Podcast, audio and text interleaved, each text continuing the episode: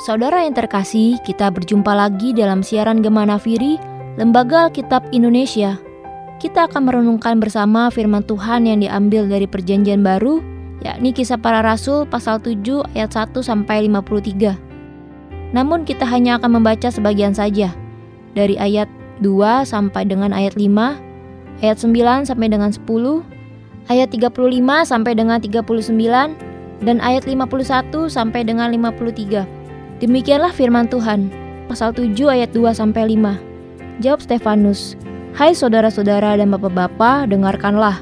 Allah yang Maha Mulia telah menampakkan dirinya kepada bapa leluhur kita, Abraham, ketika ia masih di Mesopotamia, sebelum ia menetap di Haran, dan berfirman kepadanya, Keluarlah dari negerimu dan dari sanak saudaramu, dan pergilah ke negeri yang akan kutunjukkan kepadamu.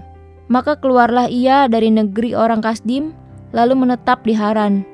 Dan setelah ayahnya meninggal, Allah menyuruh dia pindah dari situ ke tanah ini, tempat kamu diam sekarang. Dan di situ Allah tidak memberikan milik pusaka kepadanya, bahkan setapak tanah pun tidak. Tetapi ia berjanji akan memberikan tanah itu kepadanya menjadi kepunyaannya dan kepunyaan keturunannya. Walaupun pada waktu itu ia tidak mempunyai anak. Ayat 9 dan 10 Karena iri hati, Bapak-bapak leluhur kita menjual Yusuf ke tanah Mesir, tetapi Allah menyertai dia dan melepaskannya dari segala penindasan serta menganugerahkan kepadanya kasih karunia dan hikmat ketika ia menghadap Firaun, raja Mesir. Firaun mengangkatnya menjadi kuasa atas tanah Mesir dan atas seluruh istananya. Ayat 35 sampai dengan 39. Musa ini yang telah mereka tolak dengan mengatakan, Siapakah yang mengangkat engkau menjadi pemimpin dan hakim? Musa ini juga telah diutus oleh Allah sebagai pemimpin dan penyelamat oleh malaikat yang telah menampakkan diri kepadanya di semak duri itu.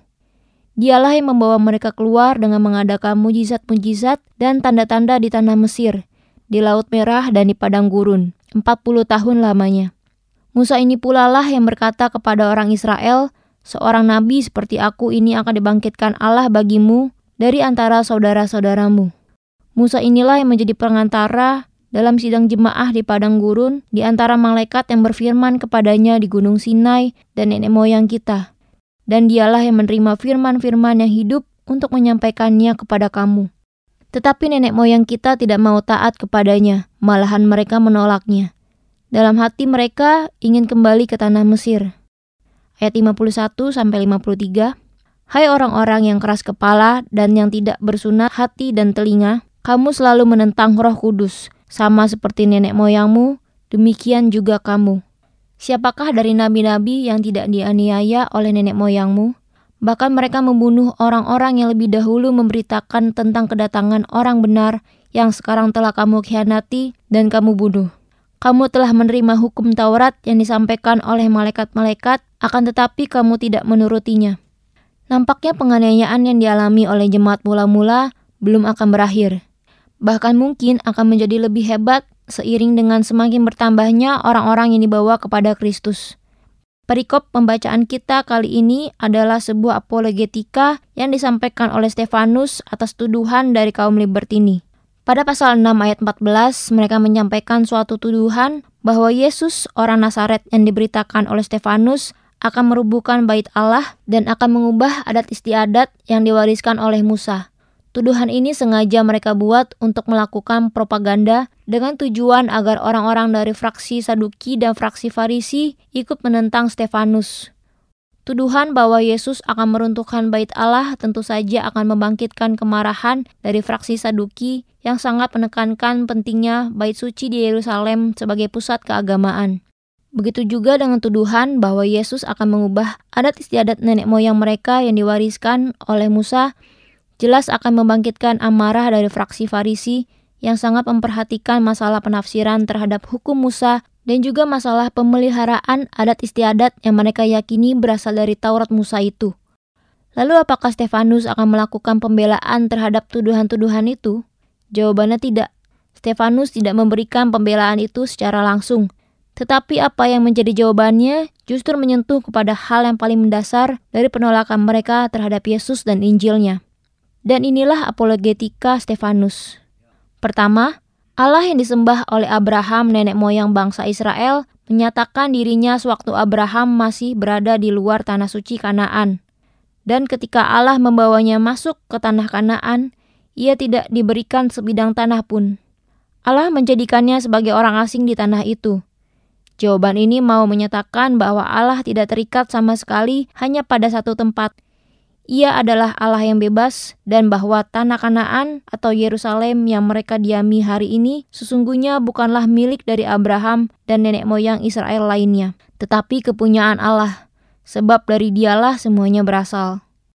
Kedua, ayat 6 menjadi sebuah penjelasan dan pengingat bahwa mereka dahulu adalah para budak yang bekerja secara paksa pada negeri asing.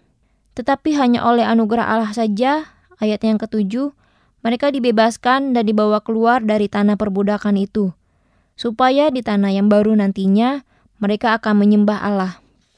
Ketiga, apa yang dilakukan orang-orang Yahudi kepada Yesus dan Injilnya sama seperti yang telah dilakukan oleh orang-orang Israel kepada Musa.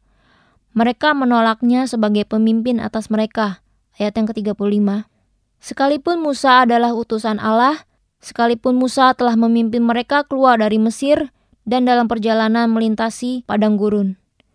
Mereka menjadi perantara antara Allah dengan orang Israel, tetapi mereka tidak mau taat kepadanya. Ayat 39. Tetapi bukan hanya Musa saja yang mereka tolak, mereka juga menolak Allah dan beribadah kepada ilah lain. Ayat 42 dan 43. Kemah suci bait Allah bukanlah tempat kediaman Allah, sebab yang maha tinggi tidak tinggal dalam buatan tangan manusia. Ayat 48. Bagi Allah, langit adalah tahtanya dan bumi adalah tumpuan kakinya. Ayat 49. Yang kelima, sejak dahulu orang Israel adalah bangsa yang tegar tengkuk. Sejak dahulu mereka telah menolak dan membunuh orang-orang utusan Allah, yaitu para nabi yang diutus bagi mereka. Dan keenam, sekalipun mereka telah menerima hukum Taurat, tetapi mereka menolak untuk menurutinya. Ayat 53. Keinginan hati mereka yang jahatlah yang menjadi pandu bagi mereka dengan memutarbalikan Taurat. Saudara yang terkasih, apologetika Stefanus menguak semua kejahatan yang telah dilakukan orang Israel dari sejak zaman dahulu. Mereka begitu melekat dengan simbol-simbol keagamaan, ritual-ritual ibadah, dan adat istiadat, tetapi mereka menolak inti dari semuanya itu. Apa yang mereka lakukan hanyalah bersifat lahiriah semata – tidak meresap ke dalam batin. Inilah teguran yang sangat keras dari seorang pelayan meja kepada para imam Yahudi dan orang-orang Israel. Hari ini ada begitu banyak orang-orang yang mempertanyakan tentang iman Kristen yang kita pegang. Menghindarinya adalah sebuah kekeliruan. Tetapi biarlah masing-masing kita dapat menjawab dan bersaksi akan iman kita di mana saja dan kapan saja. Rasul Paulus dalam surat 2 Timotius pasal 4 ayat 2 mengatakan, Beritakanlah firman, siap sedialah baik atau tidak baik waktunya. Nyatakanlah apa yang salah, tegurlah, dan nasihatilah dengan segala kesabaran dan pengajaran.